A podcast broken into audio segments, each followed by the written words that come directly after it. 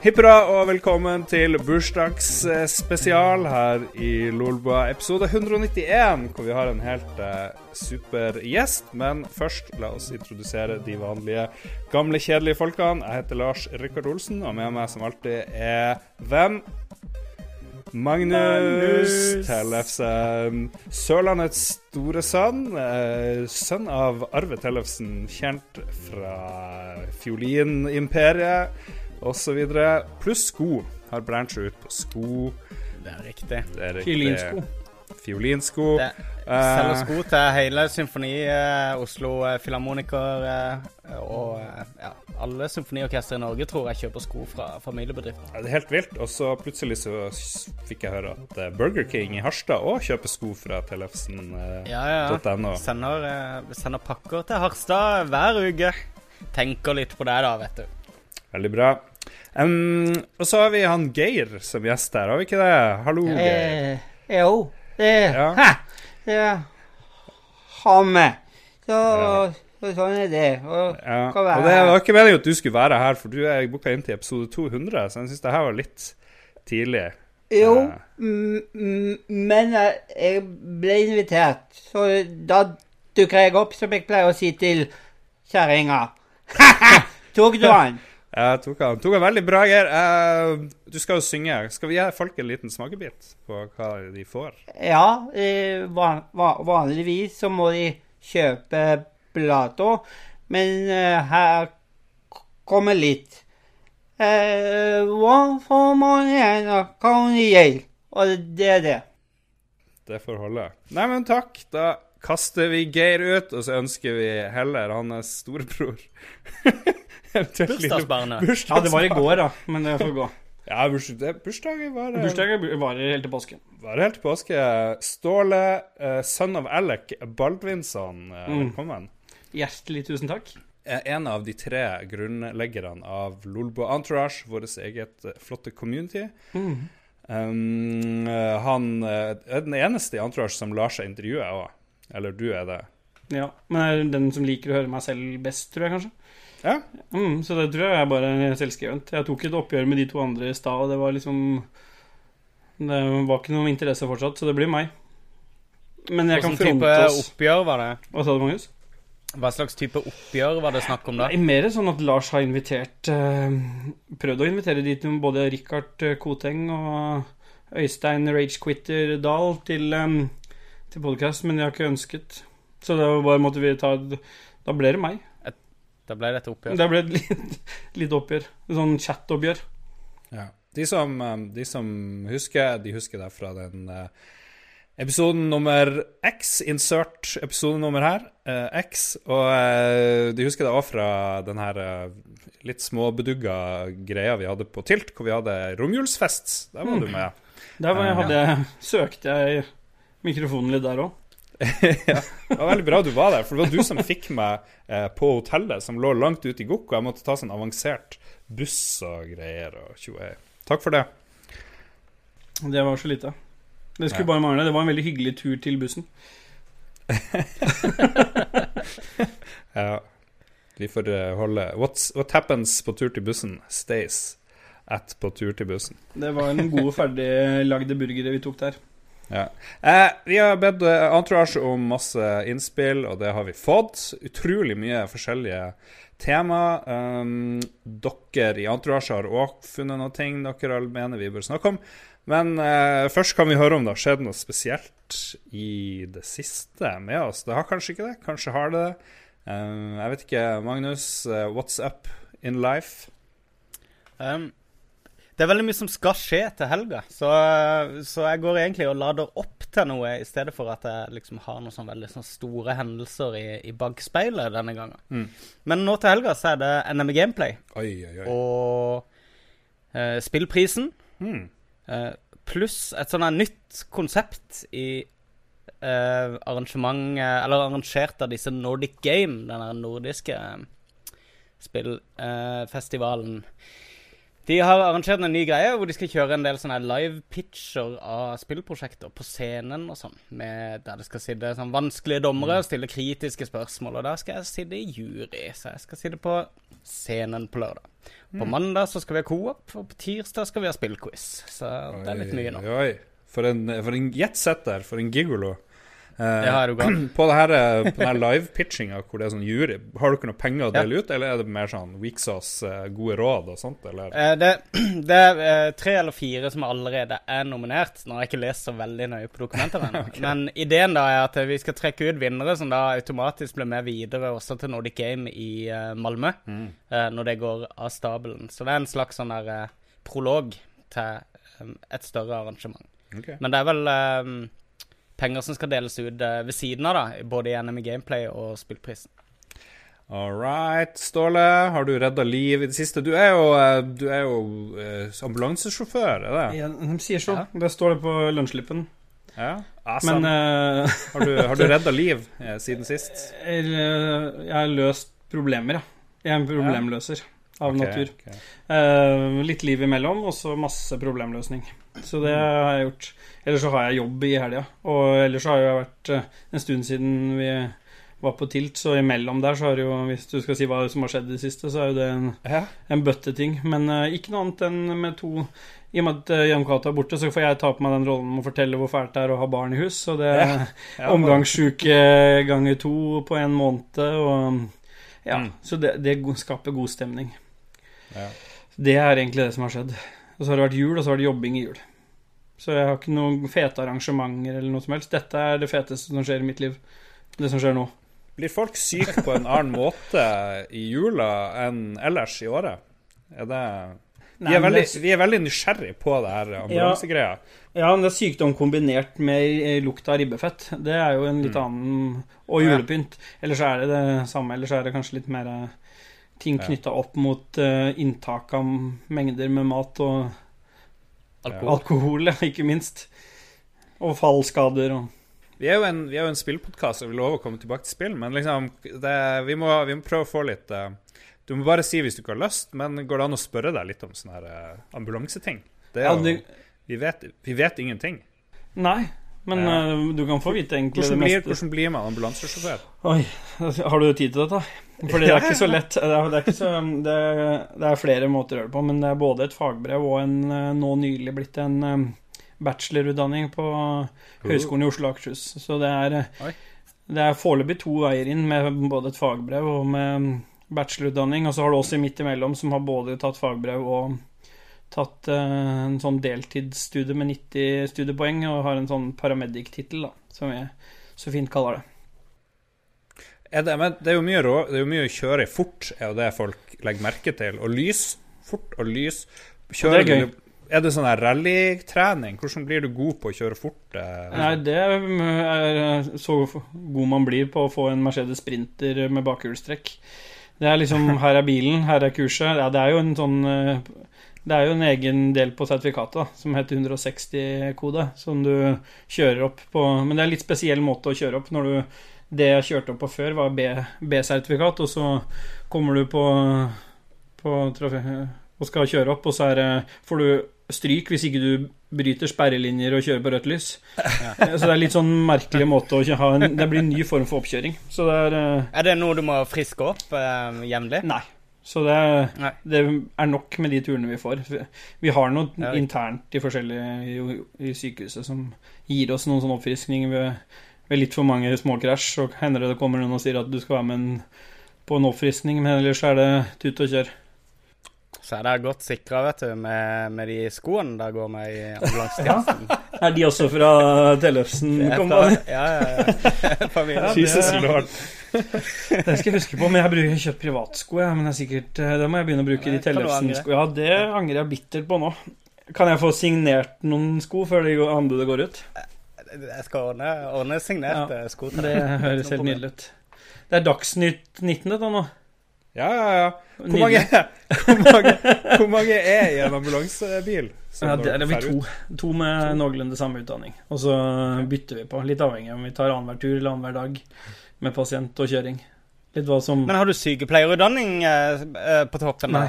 Eller Det er ambulanse, mm? nei, fagbrev som ambulansearbeider, og så har jeg et tillegg eh, på høyskole på, som paramedic, så det har eh, litt Ja. av det samme. Den høyskolen som er nå med bachelorutdanning, den er jo bygd på sykepleien i sånn grunnfag og anatomi og fysiologi og sånn, og så er det mm, Ja.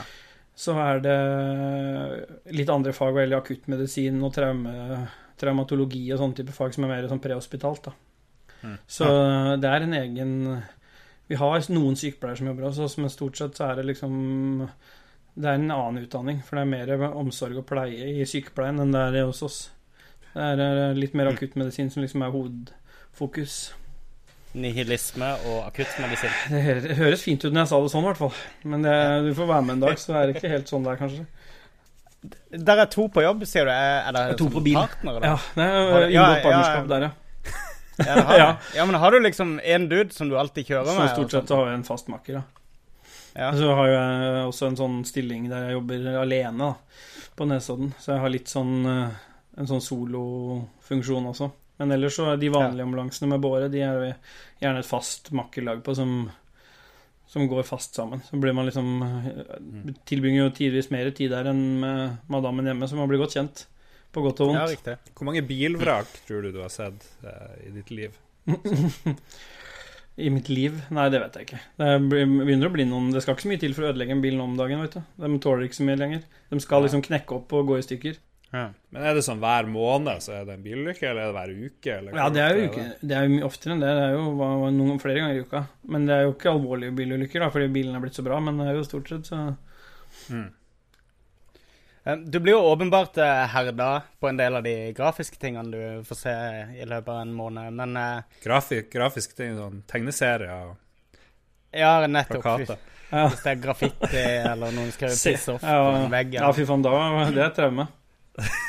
Men, men er det sånn Er det en gang i måneden at eh, du støter på at du får liksom Får deg en på trynet, eller er det en gang i året nå, liksom? Du, hvor hard er du i jobben? Ja, det er vanskelig å si, fordi at det er så Stort sett så er det liksom en sånn ting man har en dialog på hele tiden. da. I og med at man, det er fordelen å gå med en fastmaker, så blir det ofte sånn at man tar de samtalene fortløpende om liksom hva man syns og ikke syns. Så Det hender en gang, men det er veldig sjelden at man liksom stopper opp og blir veldig påvirka. Man lærer seg liksom, liksom forsvarsmekanisme. Det er nesten verre å ikke være på jobb, for når man er på jobb, så har man liksom satt Mm. den modusen, på en måte. Man, mm. man skaler seg litt inn, og så, og så tar man, eh, gjør man det man skal gjøre. Så det er ikke sånn Jeg går ikke rundt og er en tikkende bombe, nei. Nei, det var det vi lurte på til episode 200. skjønner Ja, men det, det, det blir mye drikking. Nei da. På jobb, selvfølgelig. Mm. Alltid på jobb. Ja. Ok, til slutt. eh, Hva er, liksom, hva er det villeste du har opplevd på jobb? Er det lov å spørre det? Mest underholdende? Ja, jeg lurer på om vi må ta det på bakrommet, for det, det er ikke så mange Ja. steder jeg har jobba. Så hvis jeg sier det, så blir jeg, må jeg en tur inn og snakke om taushetsplikt og den tingen der. Men jeg har en morsom historie som vi kan ta når du har logga av. Ok, Vi gleder oss. Den skal vi dele i episode 192. Ta den i 200, da kan vi ta det. Litt øl også, er vi der. Ok, vi tar en liten eh, pause, og så kommer vi tilbake med hva vi har spilt i det siste.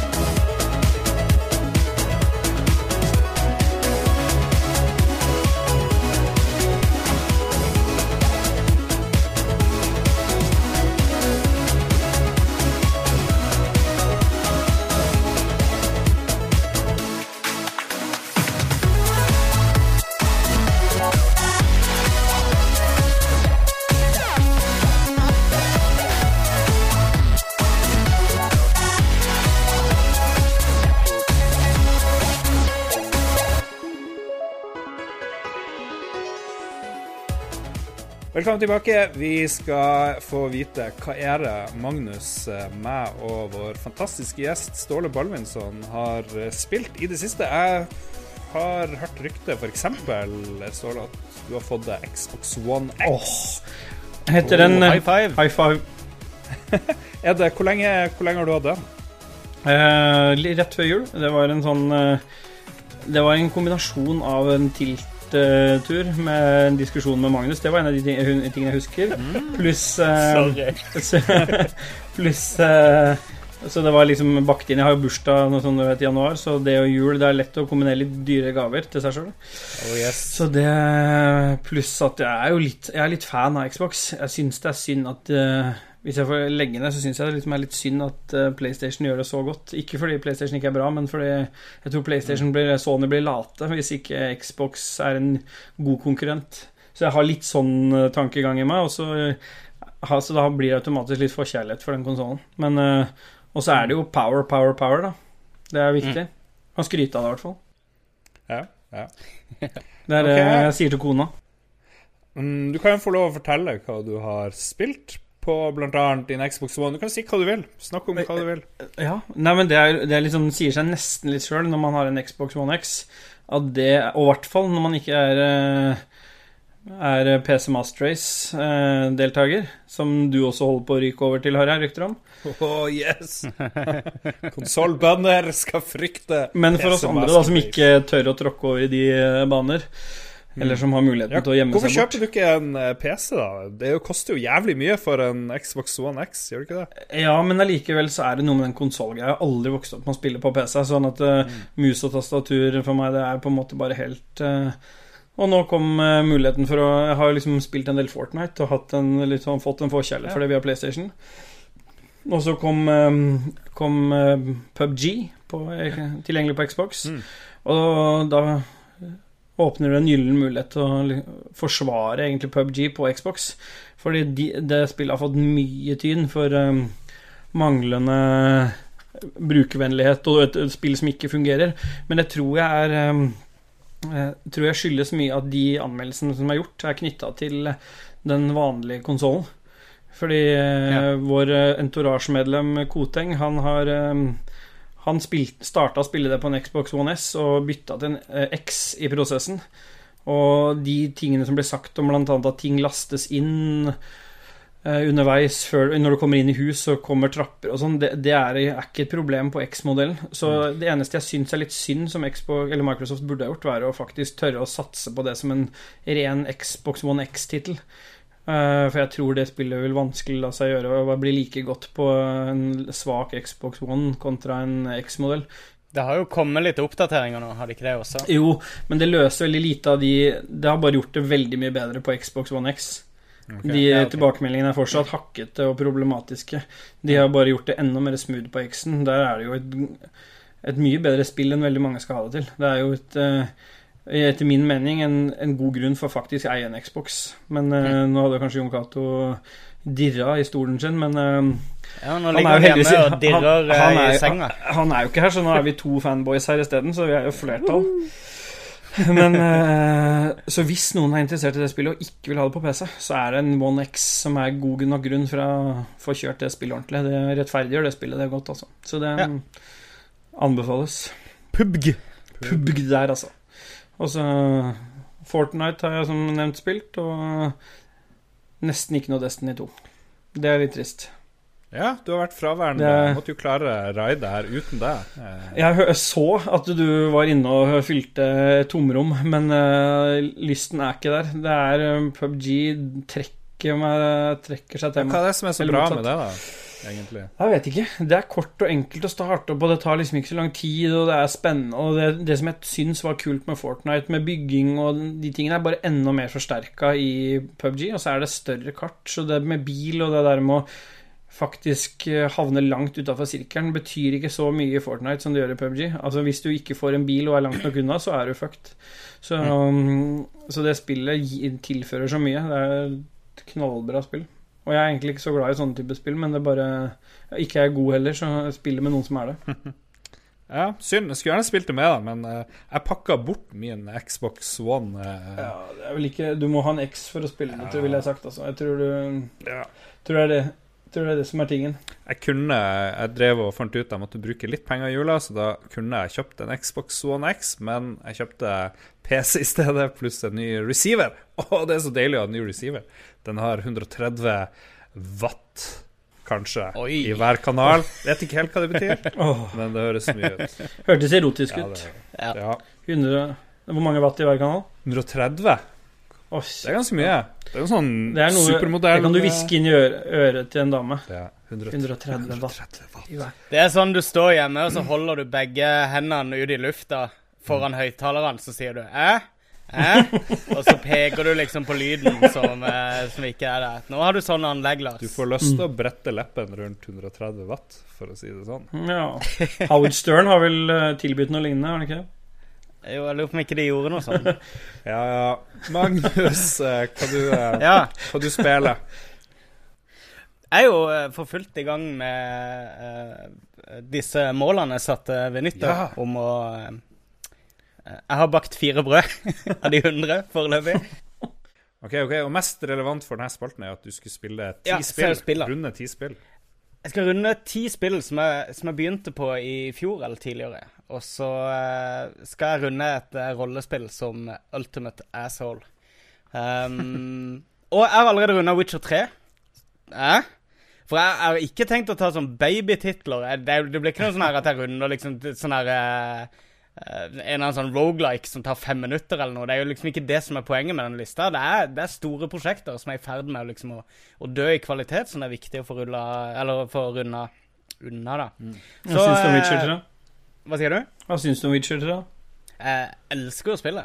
Jeg har sleit med å dra det videre. Altså, det ble så mye sånne ting, og jeg skjønte at det her kom til å ta tid, så jeg tror det var liksom bare jeg, jeg har ikke spilt noen av tilleggspakkene. Jeg gikk ganske bevisst eh, gjennom også, Men jeg har funnet det meste av rustninga. Jeg, har- jeg har gjort veldig mye på kartet, og sånt da, men jeg er langt under 100% på det.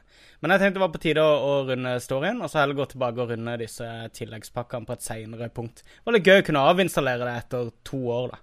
Uh, for det er jo noen gigabyte på harddisken. Ja. Men nå har jeg begynt på et, et, eh, like ambisiøst prosjekt, vil jeg si da. Det er skikkelig gammel kjepphest i min spillsamling, nemlig Pillars of Eternity. Uh, Kickstarter-rollespillet.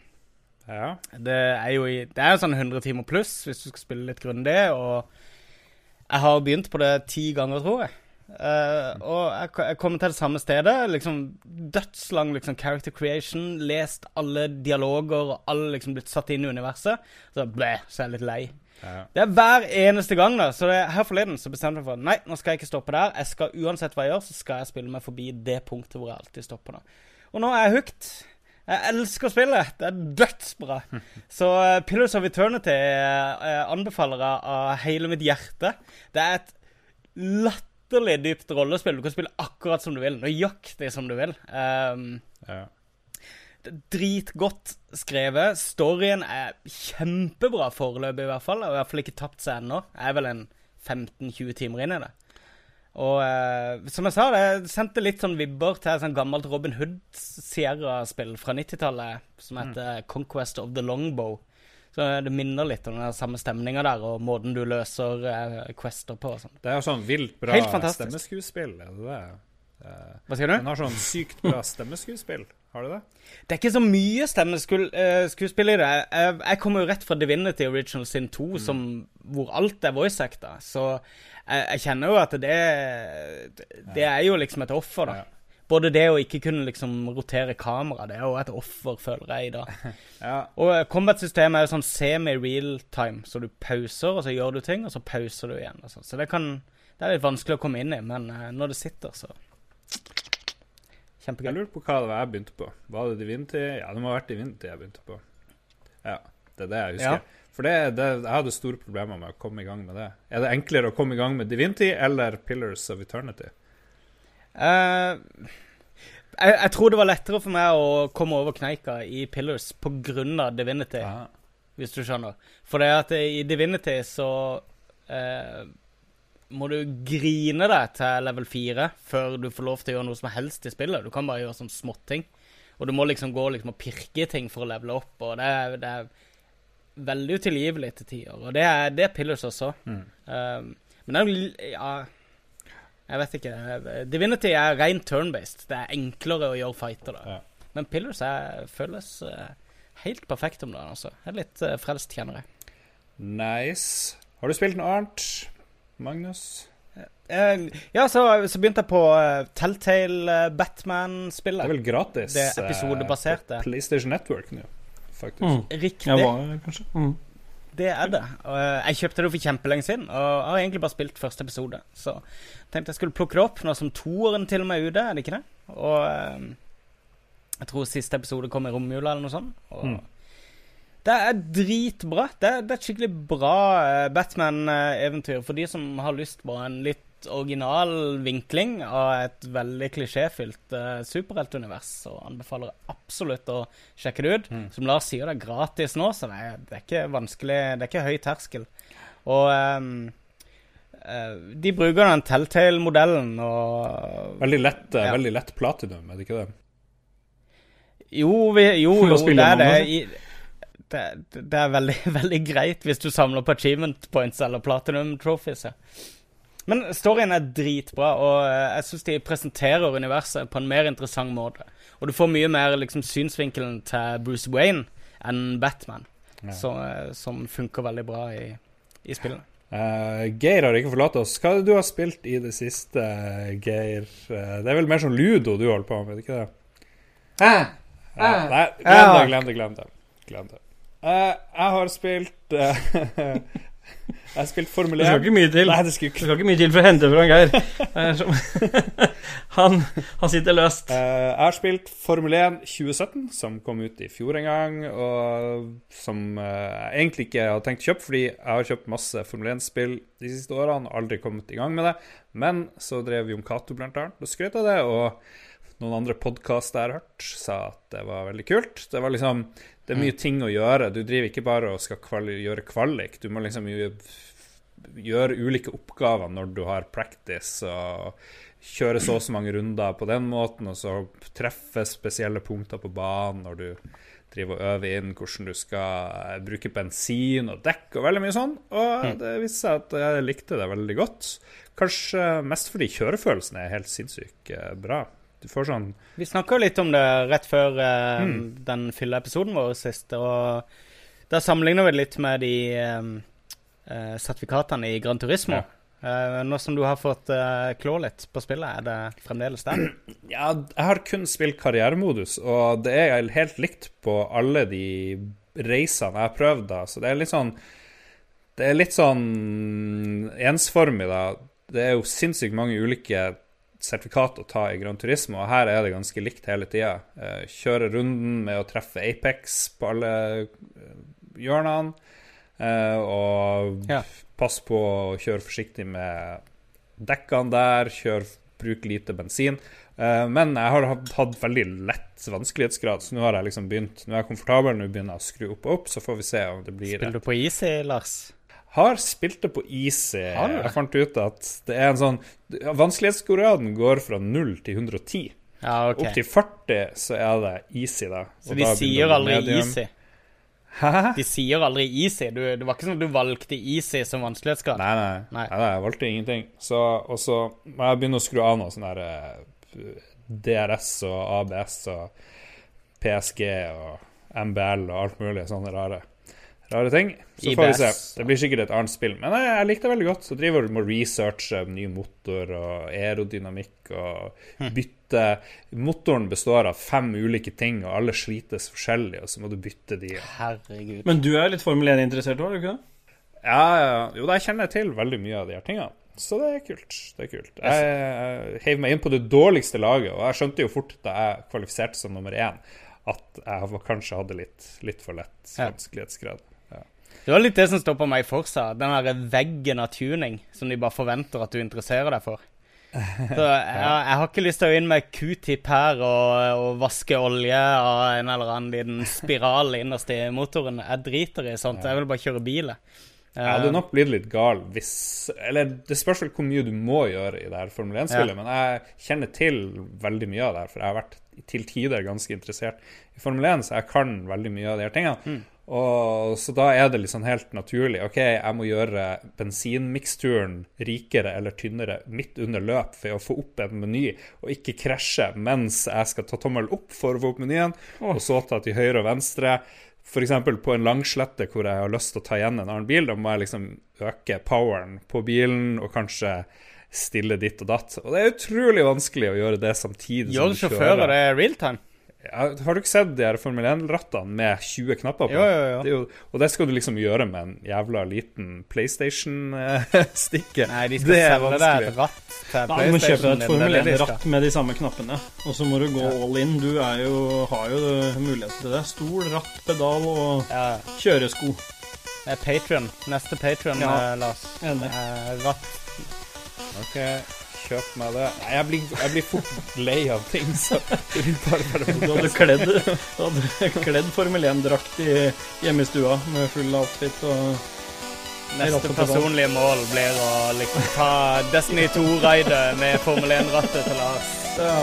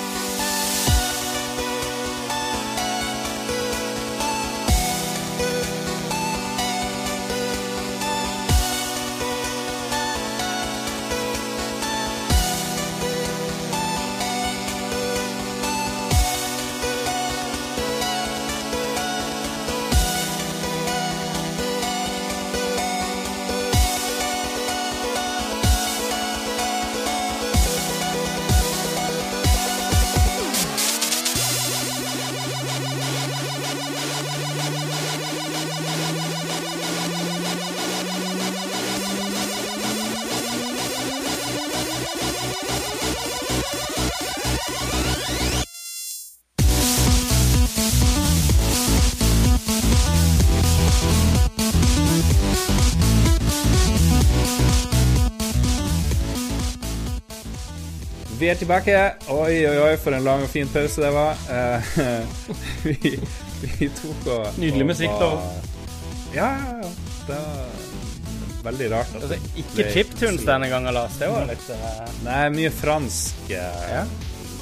Ompa, ompa. Er fransk ompa? Jeg skjønner ikke hvor du finner disse tingene. Helt rått. Jeg vil gjerne ha link på det. Fransk ompa ompa.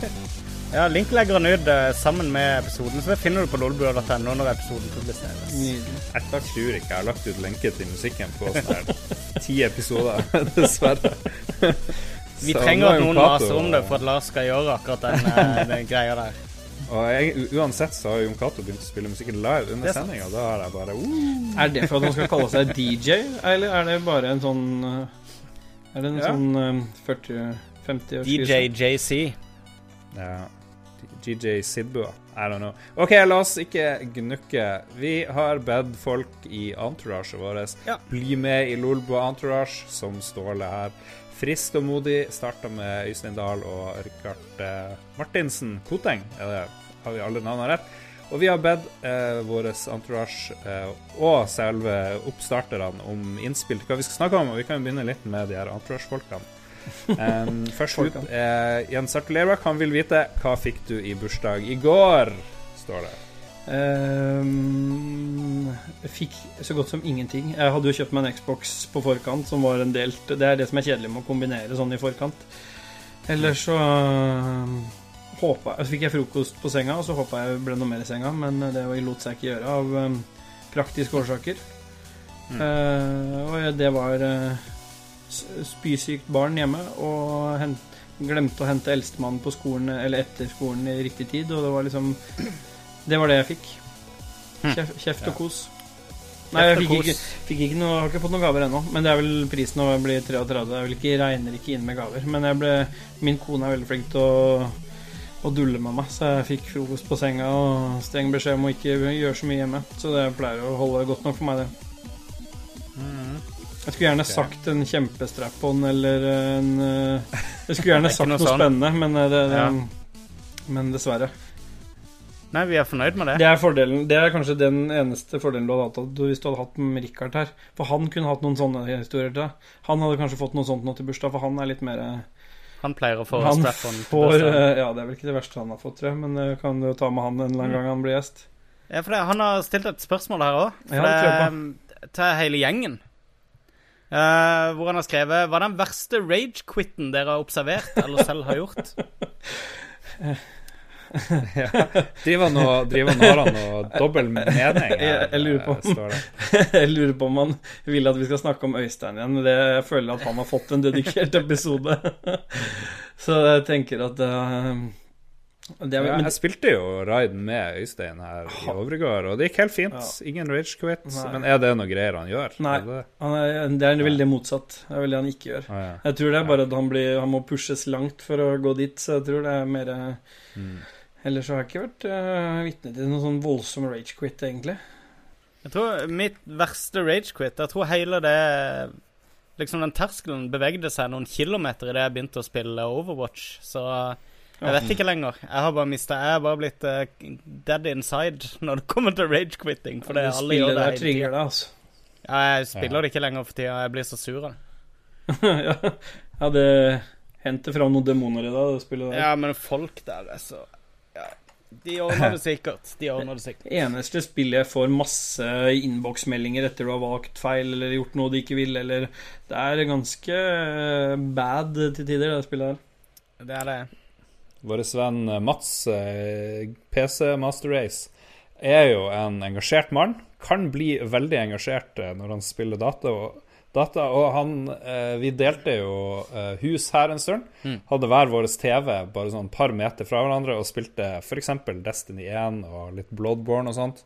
Og han sier jo sjøl at noen spill så blir han ekstra engasjert, og jeg liker jo å erte folk, så det er en veldig dårlig kombo, og det endte jo opp en gang han drev og skulle prøve det første raidet, Volt of Glass, i Destiny 1. Ja. Og ikke hadde mikrofon, kunne ikke kommunisere med det andre laget. Kunne ikke høre, eller han kunne høre dem, men de kunne ikke høre han. Og så var det der hoppepuslet, det første der, som han ikke skjønte hvordan man skulle gjøre, og kom seg ikke over der. Holdt sikkert på i en halvtime og ble så sur og ble så sur.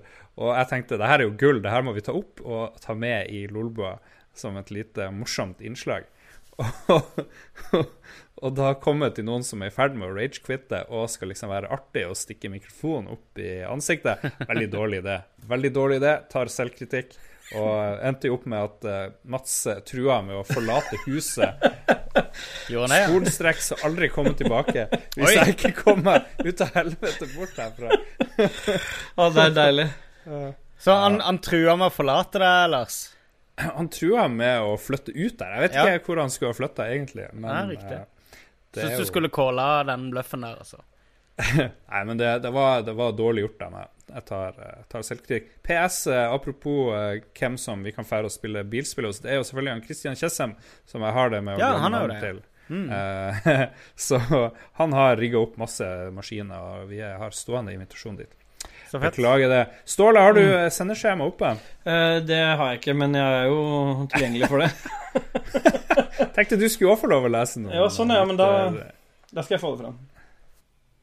Sharing is caring, har du skrevet der. Er det noe annet, det, kanskje? Det er kanskje noe annet. Rolf Helge Øvergård Ingebrigtsen, en superkokk, spør hvordan 2018 blir for PS Vita. Magnus, det er jo Det er jo spørsmål til meg, ja. Um, jo, uh, vet du hva? Jeg har uh, Jeg satt faktisk og sjekka det tidligere i dag. Hva som kommer i år av Vita-spill. For jeg tenkte at eh, Kommer det ting? altså, det korte svaret er nei. Men det kommer jo selvsagt en haug med japansk visvas, og Secret of Mana kommer uh, f.eks. nå i neste måned. Det gleder jeg meg til. Det har jeg aldri spilt. For det hadde aldri Super Nintendo, så det blir uh, veldig kult spill. Men uh, ja. Mm. Det er stort sett med kule Vita-titler, så er det gjerne at du må inn og så lese om tittelen, og så sjekke videoer og finne ut er dette manga jeg klarer å ignorere. Og hvis det er det, så ligger det kanskje noe solid gameplay i bunn. Og Du kan, jo, eh, du kan jo spille alt på din PS4 på din Vita, kan du ikke det? ja, Sånn men hva eh, skal du med Vita hvis du skal sitte i leiligheten din og streame fra konsollen? Nei, men Du kan ta det med på Ja. bussen og Kan ta streame- delt internett fra mobilen, og så over Ja, på ja. Vitaen, og så er du good to go. Eller bare få Boom. tittelen til Switch. Har noen av dere testa det? For det, eh, Ja. funker det leggfritt å Nei. streame hvis du sitter på bussen? Nei. Det, jeg testa at det funker, at det funker, og det funker ikke leggfritt. Når vi hadde, mm, hadde en Vita faktisk eh, i perioden rett etter Destiny 1 ble sluppet, Ja. og da da var jeg så hekta på Destiny, og vi skulle på, skulle på en hyttetur langt opp på fjellet. Og, jeg, og, jeg, vi skulle dra så tidlig på fredagen at jeg rakk ikke sur. Ja. Så, så Jeg hørte det- om folk gjør det. så jeg måtte ha Jeg hadde med den og delt internett med en ganske crappy linje. Og nei, det var, men det gikk. Jeg fikk kjøpt eh, det han hadde. Og skjønte ganske raskt på stemningen at eh, jeg ikke skulle sitte der med den. Så, men uh, vi var flere som var hekta, så vi, vi logga oss på etter tur og orden og fikk handla. Jeg hadde Nice. samme greia med et sånn eh, Hva det heter Splashtop. Det var et veldig tidlig program som lot deg fjernstyre PC-en din når du var ute og uh, Mm. ute i periferien, da. Og uh, da hadde jeg en sånn med Auction House i World of Warcraft. At uansett hvor jeg var, så måtte jeg liksom bare sakte, men sikkert i sånne lysbildeoppdateringshastighet eh, komme meg inn i Auction House og bare få solgt og kjøpt det jeg skal. Så. Yes. Så eh, akkurat som i fjor med Vita, med andre ord. Bra. Rolf Helge Øvergård Ingebrigtsen var han som nettopp spurte om Vita. Jeg var så godt i gang med å lese navnet hans etter at jeg leste ikke videre. Marius Hukland vil høre mer om Alec. Ja. Alec Baldwin, Ja. eh, sånn, tenker jeg. Faren til uh, Ja, nå tenker jeg selvfølgelig Ståle. at Ståle Alec Baldvinsson Og Alec der, ja. Men han, han har ikke vært så mye inne i bildet. Han um, dro tidlig og fant seg en ny familie, så det har liksom Alec har sendt noen kronasjer innimellom, og det drypper inn en sånn gang eller to i øret, men ellers så er det lite jeg ser, hører fra han. Det er litt gøy å se noe av de filmene han lager, men ellers så er det liksom ikke relasjonen helt på toppen. Det er ikke det. Det er som med meg og Arve Tellefsen, cirka. Eh, Det høres riktig ut. Selv om du tross alt har sko, da. Jeg har jo på en måte bare noen dollars som kommer inn. Alec Baldwin er en morsom fyr, da. Um, nå har jo um, På Netflix så har jo uh, Comedians in Cars Getting Coffee, den Seinfeld-serien, har jo kommet nå. Mm. eh, Der. Og det er jo millioner av episoder. Og den Alec Baldwin-episoden hvor Seinfeld tar med seg Alec Baldwin på kafé, er, er temmelig morsom. Anbefaler å se. Jeg tror han tar alle med på kafé, faktisk. Nei, ikke, det er ikke alltid de drar på kafé, faktisk. Men uh, stort sett. Ok. Stort sett. Let's agree to disagree. Eh, ja. Minst viktig å krangle om i verden. Nei! Det er herlig.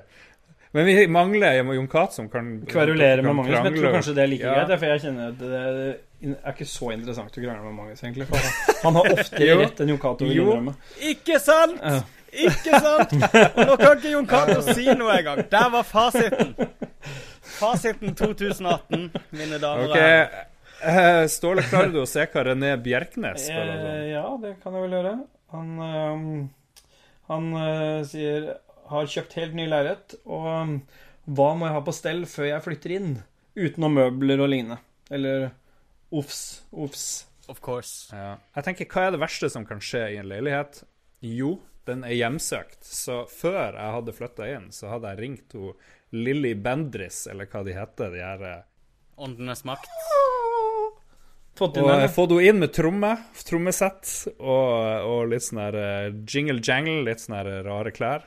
Og bare Ja. mant ut åndene. Og så får du en god historie, ikke sant? Det er jo garantert skjedd noe. er helt Eh, sikkert. Men det er jo lett å oppdrive sjamanere sjamaner også, tror jeg. Er det ikke, bor det ikke flest samer i Oslo-området eller eh, østpå Jo, enn det gjør i ikke sant? Så det må jo være mulig å oppdrive, oppdrive noe, noe ordentlige folk som kan tromme litt skikkelig. Helt, helt sikkert. Har dere noe morsommere svar? Nei, jeg vet ikke. Hva som må- Møbler. Hva bør du ha. Altså, det jeg alltid har gjort i en leilighet, er at uh, TV-en er noe av det første som kobles opp. Og så Mm. med madrass på gulvet og alt sånne ting. Og så, så bygger jeg mitt hjem rundt, eh, rundt uh, TV-en. Så det, det er metoden jeg Ja, hvor, ja, det er jeg egentlig litt enig faktisk. Hvor plasserer TV-en? Altså, mm, flytter du under, inn rundt det? Ja. ja. Eh, Masturbasjonsalteret, som Magnus Ja, lage en sånn liten sånt alter da, med sånn kopp.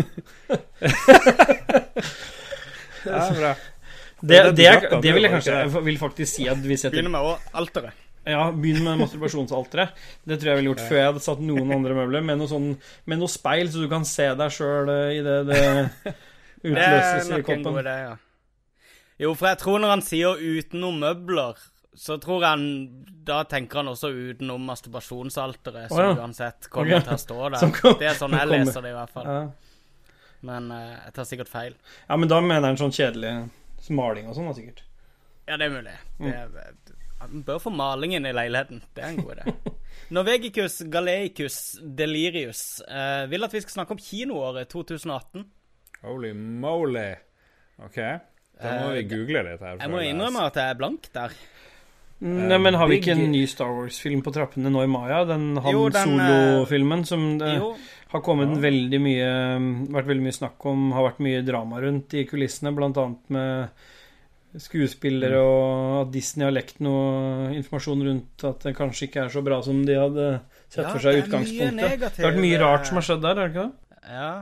Det, det er veldig mange som regner med at han blir dårlig, og Mm. sånne ting Det pleier å gå troll i ord på det sånt uansett, føler jeg.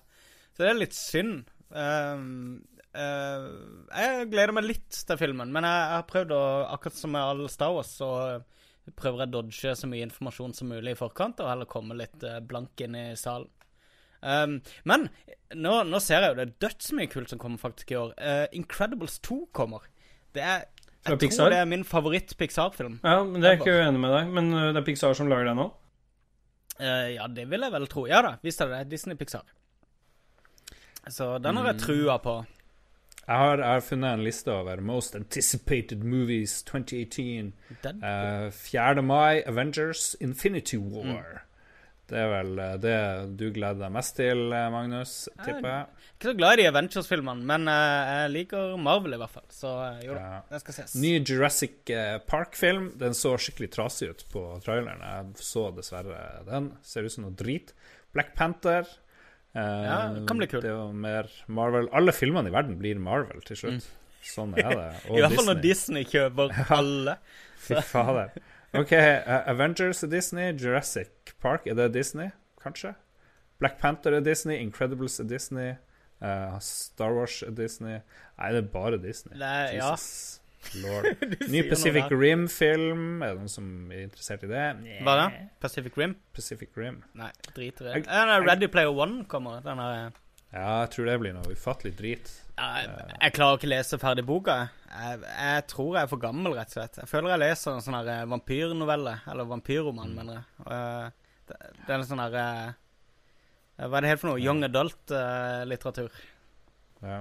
Apropos Adult, så er det vel har du, Det finnes jo sikkert noen toppliste for det også, hva som kommer av storfilmer der. Jeg vil jo tro at Entourage er vel så interessert i eh, de store topp topp eh, ti kommende adult movies. Ja, det, er vi, det, det blir neste episode. OK. uh, Det er jo pornoversjonene av alle de filmene vi leser opp nå, da. Avengers, hva du sa Avengers het for noe? For det må jo være Eh, litt Infinity War. Ja. Der eh, kom Da er, da er det en tittel i området rundt der. Ja, jeg tenker okay. det. Tenker det. Eh, eneste filmen jeg gleder meg til, tydeligvis, er nye Tomb Raider med jo Alicia Vikander, hun svenske Ja, skuespilleren. Ja, hun er awesome. Så kanskje det blir en bra spillfilm, endelig. Mm. Ja, men eh, har du ikke likt noen av Tomb Raider-filmene, eh, Lars? Jo, jeg, liker mer eh, Resident Evil-filmene, for Ja. sånn ren silliness, egentlig. Første Resident Evil-filmen var jo ganske spot on Resident Evil, syns jeg, uten å være sånn direkte. Ja. Jeg likte den. Uh, hva er det beste ambulansemerket? Jeg så den, jeg så den sto her. Uh, det, er, an- det er kjedelig svar, fordi det er uh, Christian anbudsbasert. Tjessem, Ja. eh, reis, Reisemannen, Ja, jeg hører han eh, lurer. Men eh, vi, det er jo anbudsstyrt, dette, så vi får ikke velge og vrake så mye. Men eh, på de vi som kjører alene, vi har noen sånne Volvo XC60, så det må vel være det beste vi har tilgjengelig egentlig nå. Hva gjelder å kunne kjøre ferdigheter. Men ellers så kjører vi med Mercedes Sprinter primært sett. Er de veldig boosta, de? Er de trimma? Og... det er liksom minstemotoren, og det er ikke noe ekstra som mange tror. Det er liksom an, anbudsstyrt, så det er sånn 180 hester diesel for det er litt rimeligere å kjøre med, på en måte. Så det er ikke noe sånn ekstra guffe der. Men du får dem opp i 150-160 for det. Så det er ikke noe problem, det. Ok, I Los Angeles så prata jeg med en taxisjåfør som fortalte at eh, de gule taxiene i LA er eh, omlakkerte politibiler. Ja. Nei. Fordi de har så sinnssykt bra Fordi de ble lagd så veldig eh, muskuløse under panseret. Det er jo Volvo det også, tror jeg. Nei, nå er jeg usikker. Kanskje det er Ford, ja. Men uansett, så eh, eh, Så har de så lang levetid, disse bilene, at når de kasserer dem som politibiler, så kjører de rett ut i, i parken med, med taxier. Så, eh, men eh, de har ikke gjort noe sånn lureri med deres, altså. Nei. Det er vel på sin plass, er det ikke det? At, at Jo, det skulle man jo tro, men det er ikke. Jo, men det Ja. Det, det er ikke en del av prosessen, tror jeg. Jeg tror politiet har noen sånne, men ellers har de også ganske standard. Så det er bare å dra på hvis du har en raskere bil. Ja. Hm. Kommer du deg unna. Kan ta en sånn Uber-løsning, at bare folk tar med sin egen bil. Ja. Og så sitter jeg på med de. Ja, Ja, det, det er ålreit. Kom med din egen bil, så blir jeg med. Får du lov til å kjøre litt fortere da? Ja, men det var jo faktisk ikke så dumt. jeg føler vi har pusha ambulansebransjen 20 år frem i tid akkurat nå. Det vil jeg påstå. Vi er jo ikke de eneste som er nysgjerrige. Jeg ser Jeg han ser det. Henrik Olafsen Elman. Han vil høre om de mest minneverdige arbeidsoppgavene. Ståle, du vil ikke bryte noe sånn her eh, taushetsplikt, men liksom, er det noe sånn veldig morsomme? Liksom det kuleste? Er det noe sånn var det noe sånn gøy? Du ble stoppa av politiet, og så bare ga de deg en klem, eller et eller Ja, så, sånn sett, ja. Ja, nei, eh, vi blir jo ikke så ofte stoppa sånn heller. Men eh, nei, det er pasientrelatert. Så det er på en måte vanskelig å Men ja, det er mye som, som skjer. Og det er mye eh, Mye å kunne fortelle. Er det mange som misbruker eh, ambulanse? Ja, jeg tror ikke de mener det sånn, men jeg tror det fort blir Nei. sånn fordi at det er lang ventetid på legevakt og så lignende. Så jeg tror på en Ja. måte lett å, det er lettere å få raskt svar der, og så er det litt vanskelig å liksom og så sile de ut. Men ja, det kan fort oppleves for det, som det for andre, da, som kanskje har høy terskel igjen. Kan jeg ringe, ringe ambulansen? Kan du ringe meg, Lars? Har, fordi jeg har øy, øye, øyekatarr, liksom. Ja, det er det noen som gjør. Men ja, du kan gjøre det. Men uh, Og det er Det det har jeg ikke gjør. tenkt på. Det er jo genialt. Ja, det er jo kjempegenialt. Og så er du egentlig full og hjem. Ja. Det er jo helt perfekt. Uh, noen som vil ta et nytt spørsmål? Jeg, kan eh, lett uh, kaste meg i gang, jeg. Men Oi, her var det masse spørsmål som gjenstår. Ja. Vi må egentlig bare Ja, jeg har en klar allerede. Han uh, Ghetto Boys, Kristoffer Ghetto Boys Hansen Leistad spør Ståle hva er ditt favorittspill som kun har singleplayer-modus. Jeg prøver å sette det plass. Ja, ellers så er det vel hinta til Jon Cato sitt utsagn sist, vil jeg tro. For å ha litt fokus på Ah. singleplayerspill. Jeg vil tro det er en blanding. Eh, Det er, for meg så er det ganske enkelt. Det er uh, Forsa Horizon Zero Dawn. Riktig. som er den eneste riktige måten å uttale det på. Nei, jeg tror det Jeg hadde egentlig tenkt Jeg så det spørsmålet, så tenkte jeg på den um, The Rise of the Tomb Raider. Men den har jeg strengt talt en online-del. Men jeg, var, jeg tror jeg likte det spillet mye bedre enn jeg tror gjennomsnittet gjorde. Den oppfølgeren som kom Tomb Raider. Ja. Jeg likte storyen og hvor de ville med det spillet, og ser at det, det er jo en sånn liten cliffhanger på slutten der òg, så det blir spennende å se hva som Mm. kommer. Det er så irriterende. Jeg, jeg begynte på det spillet på Xbox, og så var det en bug, og så kom jeg meg ikke videre i historien, og så gidder jeg ikke å begynne på nytt. Og så tenkte jeg ja, ja, jeg spiller det på PS4, men så gjorde jeg aldri det. Så jeg gleder meg egentlig til det når jeg klarer å manne meg opp og spille Rise of the Tomb Raider. da vil jeg appellere deg til å gjøre det, faktisk. Fordi at du Det som mangla i det første spillet i den serien der, så det er på en måte fiksa på her. Og det er veldig varierende, og det er gjort på en sånn god måte hva gjelder jakt og Veldig sånn Du kan se elementer der som uh, Forza Hori- Horizon tar fra. Jeg likte jo godt det første turen. Ja, og det her er enda mye bedre. Mye bedre. Her har de lagt inn en del sånne alternative Sånne tubes som du kan eh, Som er sånne masse sånne puzzles uh, Så du kan utforske og det, er, det, er, det spillet der er helt fantastisk. Så det, det må du bare plukke opp igjen. Jeg så nettopp at det, det har kommet en del uh, nytt eh, innhold som jeg ennå ikke har tatt. Og jeg, jeg, har jeg har ikke tatt det 100 slo det meg, så tenkte jeg skulle gå i gang med det. Det er Xbox One X Enhanced. Jo, runda det. Ja. ja, det har blitt Det så jeg faktisk det hadde blitt. Så da, jeg lurte på å prøve det på nytt igjen på X-en. For jeg kjøpte det aldri til til PS4. Det er det vi sier nå, Ja. Lars. Det er det vi sier som er Xbox One X. Spiller på. X-Man. Spiller på. X-Man. X-Man. Ja, vi, du kan til og med kalle Xbox One X-eiere for X-Men. ja, faktisk. Holy shit. Ja, det er tø- tøft. Men dere kan jo svare på det spørsmålet, dere òg, selv om det var mitt navn. Uh, favoritt singleplayerspill? Mm. Um, um, mm, mm, mm. Eh, mitt favoritt singleplayerspill fra 2017 blir uh, Steamworld Dig. Det var kun, uh, kun singleplayer. To? Jeg tror det ble etter hvert kanskje mitt favorittspill i fjor. Digg 2. Til og med. Ja, Mm. Steamworld Dig 2. Mm. Utrolig bra. Akkurat starta på det på Switch. Virker Mm. ganske kult. It's very nice. Mm. Jeg liker, jeg liker det der 8-bits, uh, Ja. 16-bits-aktige Metroidvania-kjøret. Mm. Så nice. Um, vi må ikke ta alle spørsmålene, for vi har jo noen uh, entourage Eller vi kan i hvert fall hoppe innom noen av de her entourage-grunnleggerspørsmålene. Øystein Dahl uh, ville at vi skulle ta opp populariteten av Battle Royale-modus. Uh, hvor mange spill kommer til å implementere det i 2018? Ja, mange. Mm. han, han tror at Blizzard kanskje vil gjøre det i Ja. Overwatch. Og det er jo litt morsomt. Ja, i Eh, sånn first person-mode, da. ja. Jeg er litt usikker på om Overwatch er riktig, Ja, riktig jeg Men jeg tror eh, Jeg tror det er den første største, store trusselen til PubG og de vil se. Fordi Blizzard har en eh, evne til å lage veldig gode spill når de først gjør det. Veldig konsentrerte opplevelser. Så hvis de kommer ut med noe Battle Royale-elementer jeg, jeg tror ikke det vil kle Overwatch Nei, det er for små byer, Ja. det er for trangt og for raskt og Ja, men det vil ikke kle karakterene heller, som på en måte er bygd opp rundt å støtte hverandre i forskjellige situasjoner. Så jeg tror på en måte man gjør det bedre Det skal jo på en måte være helt likt for alle i starten. Så jeg tror de eventuelt må gjøre det fra scratch. Med, de kan bruke universet, men kanskje på en annen måte. Jeg følte litt med på et spill som kom, og, som er Hva er det? The Darwin Project, var det det det heter? Um, som, hvor de vektlegger mer selve den her jakten på de andre. Så du har massevis av skills på liksom Du er nødt til å hele tida finne bål for å holde deg varm, og da gir du vekk eh, posisjonen din. ikke sant? Da kan de andre se lyset på natta. Og, men du kan også finne steder hvor folk har crafta ting.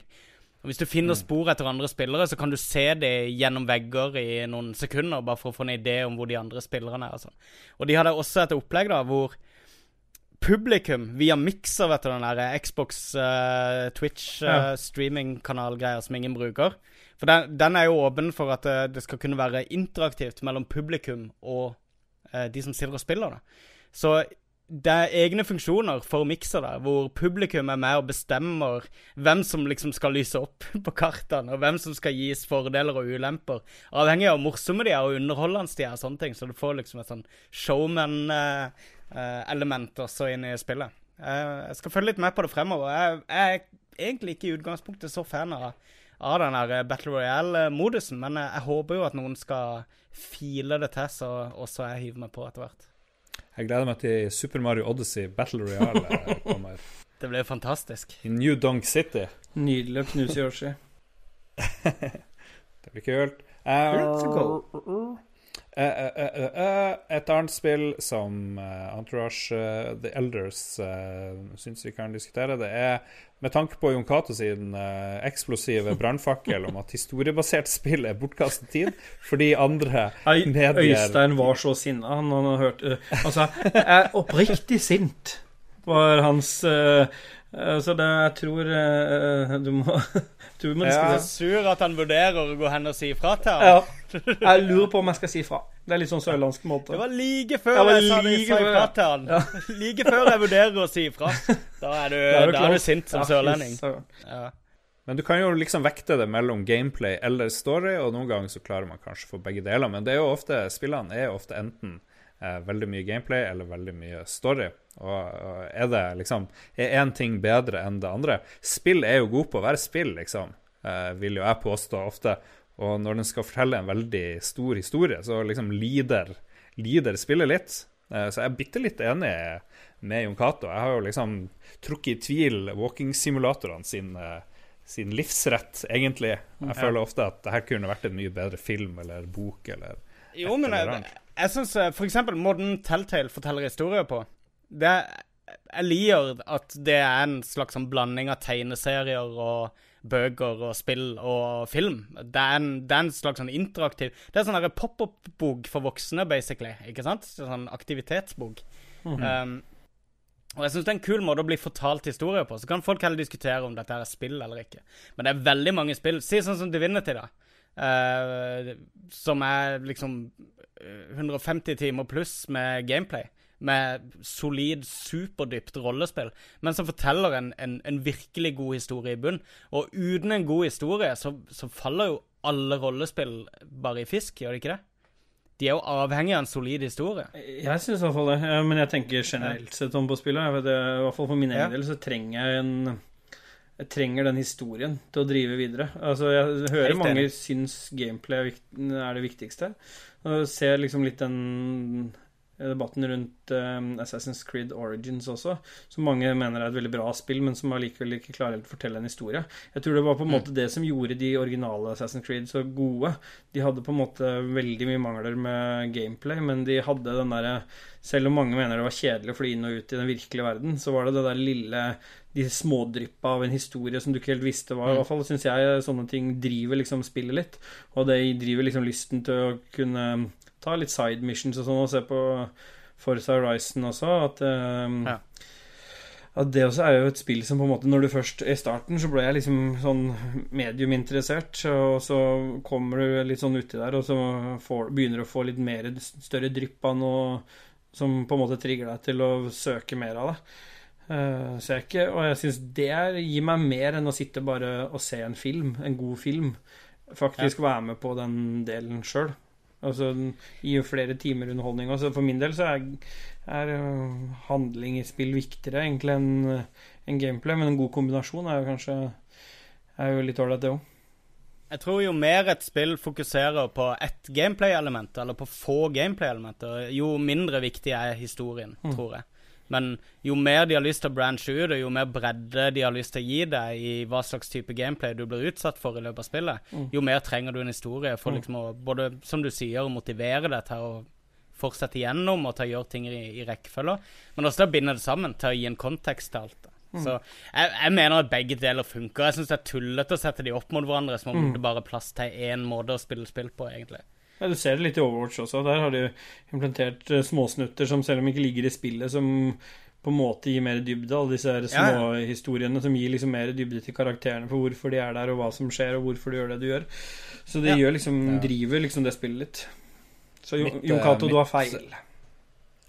det jeg syns spillene gjør dårlig, er jo Eller det er greit nok, kanskje er gameplay og story ikke noe sånn fiende, egentlig, men mange spill har jo en veldig dårlig skrevet story, eller veldig Ja. dårlig dialog, og de klarer ikke å gjøre det på en god nok måte. Og da, da er det kanskje lett å føle irritasjon og har lyst til å kaste, kaste kontrolleren inn i TV-en og sånn der, på grunn av litt Bruke for lang tid på drit eh, elendig handling i sånn Call of Duty og sånn her bare Jesus lord, hva er det som skjer nå? Jeg forstår ingenting. og Fuck off. Det er sånn jeg sitter og tenker når jeg spiller storyen der. Storyen var ganske kul i nye Call of Duty. OK, OK. ok Ja, Den har vel et spesielt mission der som angivelig har vært ganske bra. En sånn, du skal sni, et sneaker-mission. Ja, riktig. Var det da han Soap McTavish skulle deaktivere den der atombomba? Det er andre verdenskrig, dette, så han er, han er jo ikke påtenkt engang. OK, greit. Vi tar et absolutt siste spørsmål. Er klarer vi det? Ja. Still okay. deg. Kristoffer Bauk lurer på om vi kan snakke litt rørent. Maskinvare som lar folk spille med tastatur og mus på konsoll. Gir det fordel? Er det en stor fordel i så fall? Eh, gjerne litt drodling om det etiske og moralske. Er det juks? Er det pay to win? Eh, burde man få sove om natta hvis man spiller FPS PVP mot motstandere med kontroller? Ja, Da skal jeg selge ut Kristoffer Bauk litt, for jeg vet hvem han er. Så jeg vet hans engasjement rundt kontroll eh, Rundt mus og tastatur, og hans evige rapporteringer i Overwatch når han antyder at noen har Han syns han ser noen har brukt det. Så det er eh, Jeg hører, jeg hører Og han er fra Trondheim, og jeg hører engasjementet. Og han er politimann, så han kan bli litt brusk òg. Så jeg jeg hører det engasjementet i det innlegget der, og ønsker Du tok jo det mest Det vi kan diskutere mest helt til slutt, da. Men uh, mm. Jeg har sittet og sett på um, Det er en, en streamer som heter Summit 1G, som er en sånn superdiger streamer. Han uh, spiller 90% på PC, og, uh, men han testa Han var på Destiny 2-betaen på PS4, og da spilte han med mus-tastatur. Og han satt og banna og klagde og var superfrustrert hele tida mens han satt med det opplegget. Og sa dette her er ikke det samme som mus-tastatur, det er ikke det samme som mus-tastatur. Men jeg tror likevel at det er mye lettere å spille med enn med en kontroller. Ja. Men har det noe med FPS-en på konsoll?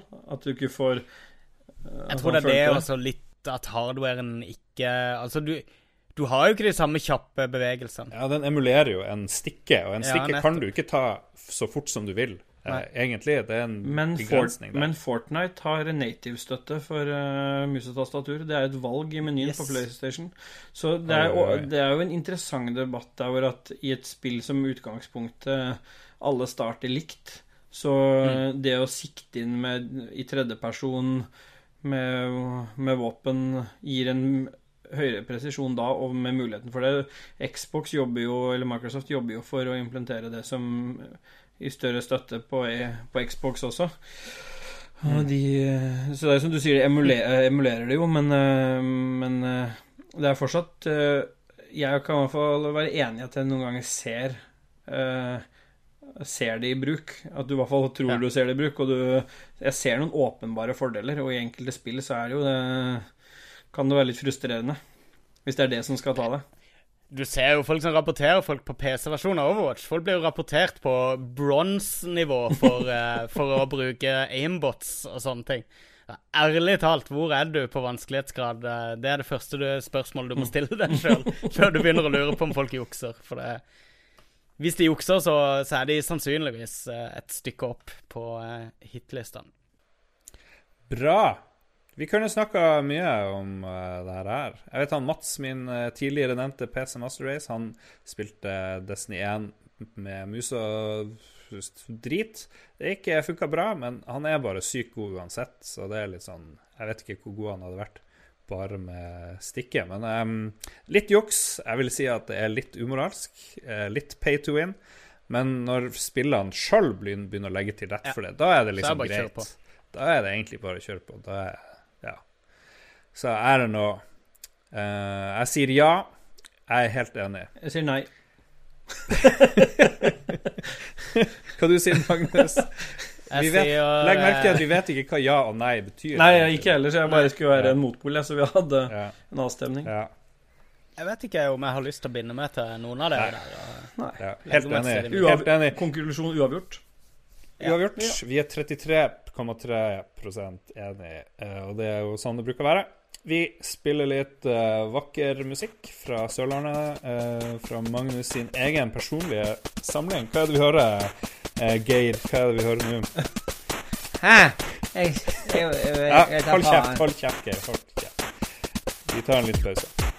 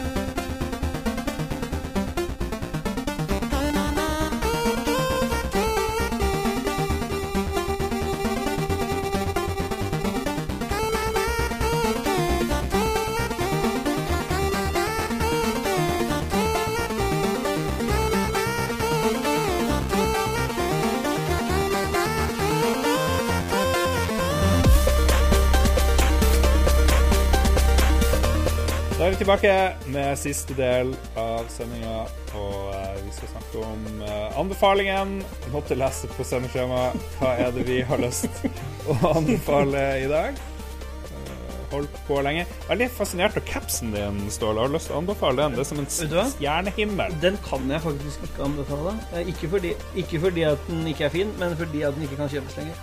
Det er en såkalt Moods of Norway-caps. Og hvis Ja. du neste gang du får anledning, skal du få se, men det er ikke stjerner, det er masse cocktailglass. Ah, ja. I kjent Moods of Norway-stil. Så det er eh, Aha. Mm. Men jeg er litt sånn Ikke anbefalt så lenge han er gått ut av produksjonen, med andre ord. Ja. Det er, jeg tror ikke det har hindra noen av oss i å Jeg hadde, anbefale ting. hadde glatt anbefalt ting du ikke får tak i. Ja, jeg har prøvd å se, jeg prøver å se meg rundt i rommet her nå for å se om det er noe lokalt, veldig sentralt lokalt for Setre og Hurum. Ja. Du kan få tenke om litt. Jeg har skrevet jeg ikke, opp. Magnus du har, du har skrevet, men du får vente likevel. Ja. Jeg tipper at det er noe helt crazy. Ja, det er med. sinnssykt. Det er en god pornofilm. Magnus, har du noe på løa lager? Ja, jeg har det. Um, jeg har hatt et lite um, prosjekt gående uh, siste ukene. Men noe som heter Ambronite. Kjenner du til det, Ståle? Nei. Uh, kjenner du til Soylent? Som jeg skulle likt å si ja, men Ja, Soylent var en sånn her greie som alle streamere reklamerte for for et år tilbake cirka. Og eh, Som var en slags sånn her eh, pulver eh, som inneholdt eh, all næringa du trengte. Det var sånn Silicon Valley og ting. Sånn at veldig mange streamere de blanda pulver med vann, og så drakk de seg mette istedenfor å spise, og sånn at de kunne streame mange timer i strekk. Tingen er at uh, Soylent, i tillegg til at de hadde en batch som var superproduksjonsfeil på, som førte til at folk prosjektilspøy um, da de drakk det. Så har det aldri kommet til Europa, merkelig nok. Men jeg har vært eh, fascinert av, av konseptet, da. For jeg har en sånn greie med at jeg er jo ekstremt glad i mat. Jeg bruker enorme tider eh, på å tilberede mat og lage mat, og, og også spise det til en viss grad. Men jeg glemmer å spise i mellomtida. Så jeg går veldig store deler av dagen går jeg med lavt blodsukker og går rundt og egentlig ganske ukonsentrert og svimmel. Derfor så ble jeg ganske glad da det finske selskapet Ambronite begynte å, eh, å reklamere for at de hadde samme, samme konseptet gående i, i Europa. Det er ganske dyrt. med, så, Um, med Inkludert den opp, det oppkastdelen, eller var Nei, det var det- dette er inntaket da. Prosjektiloppkastinga, den, den Det, det som er greia her, er at de har tatt en haug med sånne eh, superting og frysetørka. Så, men men eh, ingredienser, altså sånn bær og, og frukt og sånne ting. Frysetørka og pulverisert og slengt på en, en overraskende syntetisk eh, smak. Den banansmaken minner meg litt om eh, bugg i barndommen, Oi, oi. faktisk. Oi. Ja, men det kan gå ned. Hvordan, hvordan bugg, sa du? Hvordan Bananbugg. Bana Ah, Men hvem er, god, da. ja, men ah, hvem er det som ikke har svelga en bugg? Ja. Når du, det er, hvis det er lov det er si. liksom når ting skal være litt sånn naturlige, og kanskje ikke så veldig eh, eh, syntetisk, så Men jeg har noe, kult at det- jeg har Ja. som er kanskje en nyhet. Eh, Har du sett filmen Soylent Green? Ja, ja. Men det er jo Ja. derfor den andre heter Soylent. Det er jo fordi it's made from humans, ikke sant? Ja, det var jo en sci-fi-greie med et Yes. firma å lansere som superprodukt, Soylent Green, lagd av mennesker. Det Yes. var vel punchline der. Du er ikke redd for sånn at det er En sånn dystopisk fremtidsgreie hvor det er alt vi tar til oss, er det ikke det? Dette her er at Men det er en veldig bra måte, og det ikke De understreker det veldig. Det er ikke meninga Dette er ikke i stedet for å spise, men det er noe du kan gjøre sjelden gangen iblant hvis du er nødt til å hoppe over et måltid. Så tar du to desiliter med det vannet, blander med ei skje med det pulveret. Rister det litt og drikker det, så er du mett i en times tid, og så har du fått i deg det du trenger for et mellommåltid, sånn næringsmessig, da. Ja. Så jeg kjøpte for et par tusen kroner i det, for jeg tenkte For det er så sykt dyrt å bestille til Norge. Og så tenkte jeg egentlig at jeg skulle teste det over noen måneder, og så komme med en tilbakemelding, men så var jeg så tom for anbefalingsideer i dag at eh, den eh, Mm. Den røyk ut i januar. Ok. Men uh, Ambronite, altså Det det? ambronite Ja, du blir mett, og det smaker ganske greit. Og uh, det er ikke noe sånn her at du går og fiser eller raper hele dagen, som du gjør av andre sånne ting. Mm. Så veldig bra. For det er jo Ja, nei, jeg har bare spist meg opp på forkant, jeg, sånn at jeg har noe å tære på der, men eh, det er jo også en Ja, men det er jo hvis, hvis du har sjanse til det. Så Ja, nei, er jo hvis det du det ser beste. Jeg tenker mer som BMI-messig, så har jeg liksom det utgangspunktet. Og er sånn, ja. Så da tærer jeg bare av det. Ja, Ok. funker det, ja. Um, skal, vil du vente litt til, eller skal jeg ta min eh, Eller skal du ta Ja, din anbefaling jeg tar gjerne min nå. Jeg har ikke noe Det er ikke noen eh, trommevirvel og sånn. Men jeg, okay. jeg satt og gikk gjennom litt sånn hva man kan anbefale. Du sa ikke spill, så da prøver jeg å holde meg unna det. Ja. Og så er jeg litt usikker, men jeg, av de podkastene Jeg har vel hørt de fleste, så jeg, vil jeg anbefale en podkast. Du er litt glad i podkast, Lars, er du ikke? Men jeg vil eh, anbefale norsk podkast som heter Konspirasjonspodden. Som Mm. er en uh, artig norsk, uh, som sagt, uh, podkast om uh, forskjellige konspirasjonsteorier. Og, er jo litt sånn, og det er gjort på en sånn litt sånn morsom, fiffig måte. Med, jeg har skrevet opp med en som heter Fredrik Sjåstad Næss, og en Henning, Øde, Henning Ødegård. Og Henning Ødegård er jo en kjent komiker òg. Så det er en sånn eh, De har jo vel på andre sesonger nå, med ganske ville konspirasjoner til eh, konspirasjoner som du Jeg er ikke noen sånn konspirasjonsmann i utgangspunktet, men eh, litt sånn gøy attåt-podkast mellom Lolbua-sendinger. Ja, Så- veldig bra. Eh, husk, har du, eh, husker du noe tema? Er det noe hva de tar Det er sånn ufo og sånn her Ja, ja, det er alt fra det til 9-11 til eh, Diana sin, sitt dødsfall til uh, Oi bygging av Gardermoen-flyplassen og veldig mye artige sånn Gardermoen flyplassen. Den vet jeg eksisterte. Rikt, riktig, men i prosessen der så skulle den egentlig ligge i Hurum. Så det er en, uh, og hva som skjedde rundt med han som hadde med utredning og Illuminati. ja. Så det er en kul, uh, kul podkast, og det er gjort på en sånn måte at det, det er liksom ikke noen galinger som sitter og Og det siste, det siste før sesongslutt var vel litt uh, var tre episoder knytta til Shakespeare og hvem som har skrevet Shakespeare, og et siste intervju med han Petter Amundsen, som har skrevet den boka um, 'Organisten', sammen med Erlend Lo. Så anbefales. Artig podkast for de som ikke har hørt den. Hva kalte du den igjen? Eh, boka eller eh, podkasten? Podkasten. Podkasten er eh, Konspirasjonspodden. Har ligget ganske høyt oppe på listen også. Og hvis du ikke har hørt det før nå, så har du masse artige episoder foran deg, så den anbefales. Kult. Nice. Eh, kveldens beste anbefaling eh, blir uh, Nei da. Det, jeg skal anbefale en Onkyo TX RZ820B. Jeg tenkte jeg skulle anbefale. Det er forsterkeren din. Ja, her står det, når jeg ser på den, så står det at det er 180 watts. 180 står det her, da. Så, så ja, og den har innebygd Airplay og Chromecast og Tidal og alt mulig rart. Fire Connect, jeg vet ikke hva det er. Så du trenger liksom ikke plugge så jævlig mye i den for å få mye bra ut av den. Um, den har én HDMI-utgang, inngang på forsida, og seks bak. Veldig, veldig deilig.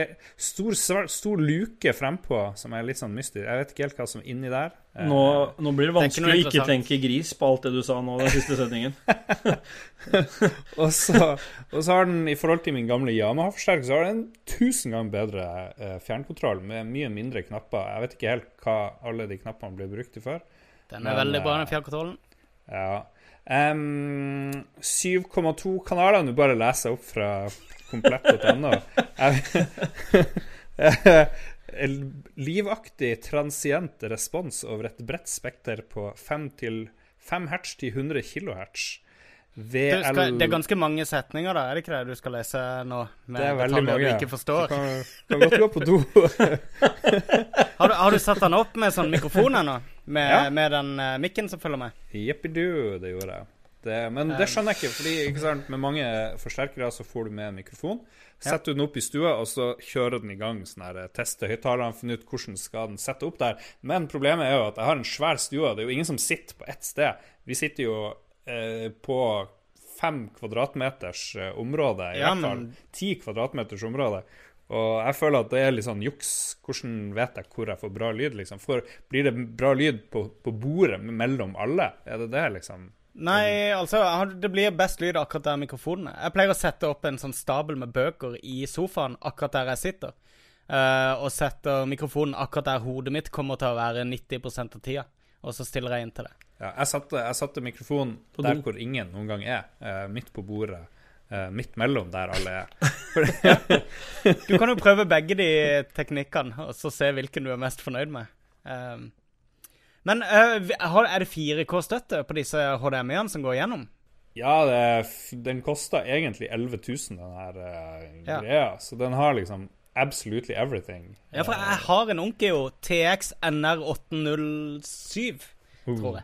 Oh. Så jeg har, jeg har også en uh, som var liksom sånn om- årets Det var, det var sånn årets forsterker for en fire-fem år siden. Den er jo er dødsfornøyd med den. Den funksjonen med å bare kunne plugge alle HDMI-er inn i forsterkeren, og så en ut som går inn i TV-en, er helt genial. For det, det som også er kult med din fjernkontroll, er at når du skifter input, så konverterer han fjernkontrollen til å være fjernkontroll for det du skifter input til. Så hvis du skifter til Apple TV-inputen, så s- kontrollerer fjernkontrollen din plutselig Apple TV-en også, og så videre. Det er veldig kult. Funker på PlayStation nå. Magisk. Den har til og med Bluetooth, ser jeg. Eh, Oi, oi, oi. Den har vært veldig mye rart. Men, eh, men farsken, bare det å ha innebygd Chromecast syns jeg var helt uh, Ja, er smart. mind-blown. Uh, Ja, det var smart. ja, det er det. Nei, altså, jeg, det, jeg kan ingenting. Og den, det, var, det var sånn halv pris på den her greia, så jeg bare ja, ja, fuck it. Vi knuser på. Eh, Godt kjøp. og det, jeg tror ikke den har vunnet noen tester i det hele tatt, men liksom, den, eh, den er den billigste av de der eh, kjempe, kjempeforsterkerne, på et Ja. vis. Og jeg tror ikke det er en dårlig, men ja. Anyway uh, Onkyo Hvorfor vil du vente til slutten med denne anbefalinga hele tida, Lars? Du, du drev liksom og skjøv oss foran deg gjennom hele denne Nå gleder jeg meg til en sånn skikkelig eh, stor anbefaling anbefaling Du kan jo nå når du er ferdig her, kan du gå på komplett kjøpe en Onkyo TX RZ820B baby og knuse på med 180 watt.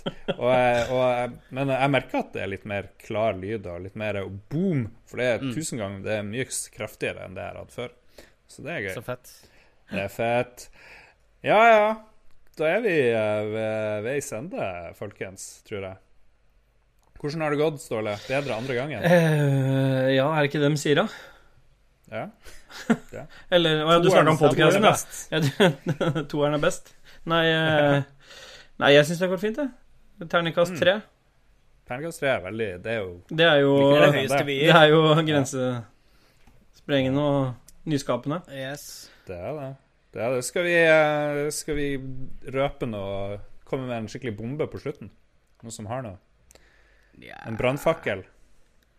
Uh, nei, jeg har, jeg har ingen sterke meninger, da. Jeg kjenner hodet mitt er sånn halvveis inne i masse andre prosjekter Ja. og greier. Si noe veldig- kontroversielt, Ståle, da. Um, Jon Cato er egentlig dame. Hvem? Jon Cato. Cato er egentlig dame. Wow! Oh, det visste vi ikke. Vi trodde han hadde brukket ribbeina. Det er ikke det han har gjort. Han har lagt inn bryster der ribbeina var tidligere. Ja. Sannsynligvis. Så uh, vi gleder oss til å høre hva det nye navnet til Yukato er i neste episode. Kult. Joan, Joan Cato. Joan, alle. John Collins. eh, ja, Ja. John Carter. OK, vi skal kutte det her. Leken var god for lenge siden. Vi må bare si ha det. Følg oss, finn oss på uh, Facebook. Vanlig Lolboa kan du søke på. Du kan søke på Lolboa Entourage, som uh, Ståle var med å starte. Uh, Lolboa.no. finner du litt sånn dill og dall. På YouTube må du følge oss. eh, whatever. LO. Twitter. Eh, Twitter eksisterer vi faktisk på. Eh, Mhm. Og YouPorn Der har dere Der har vi Der har vi ganske mange følgere, faktisk, på YouPorn. Så Ja. Du, og så Siden vi går inn i nytt år nå, og jeg pusha denne appen her i fjor uh, Den heter Share the Meal. ja. Det er en uh, um, World Food Program-app hvor du bi kan bare trykke på en knapp, så gir du fire kroner f.eks. til å gi noen ett måltid. Eller du kan gi dem 28 for ei uke, osv., osv. Uh, den heter altså Share the Meal. Der har vi et eget, uh, egen gruppe som heter hashtag Lolbua. Som du kan eh, bli en del av og være med og gi uh, for Lolbua når du donerer der. Det anbefaler jeg veldig. Nice. Da sier vi god kveld og ha det bra. Ja. Woohoo! Ha det bra. God kveld. Ha det bra. Å, vi glemte Geir. Geir sier ha det. Ja, ha, ha, ha det. Ha det. Syng oss ut, Geir. Syng oss ut. Uh, fly and a missing cold Chicago morning a morning a morning a morning roll in the gecko. Takk for meg.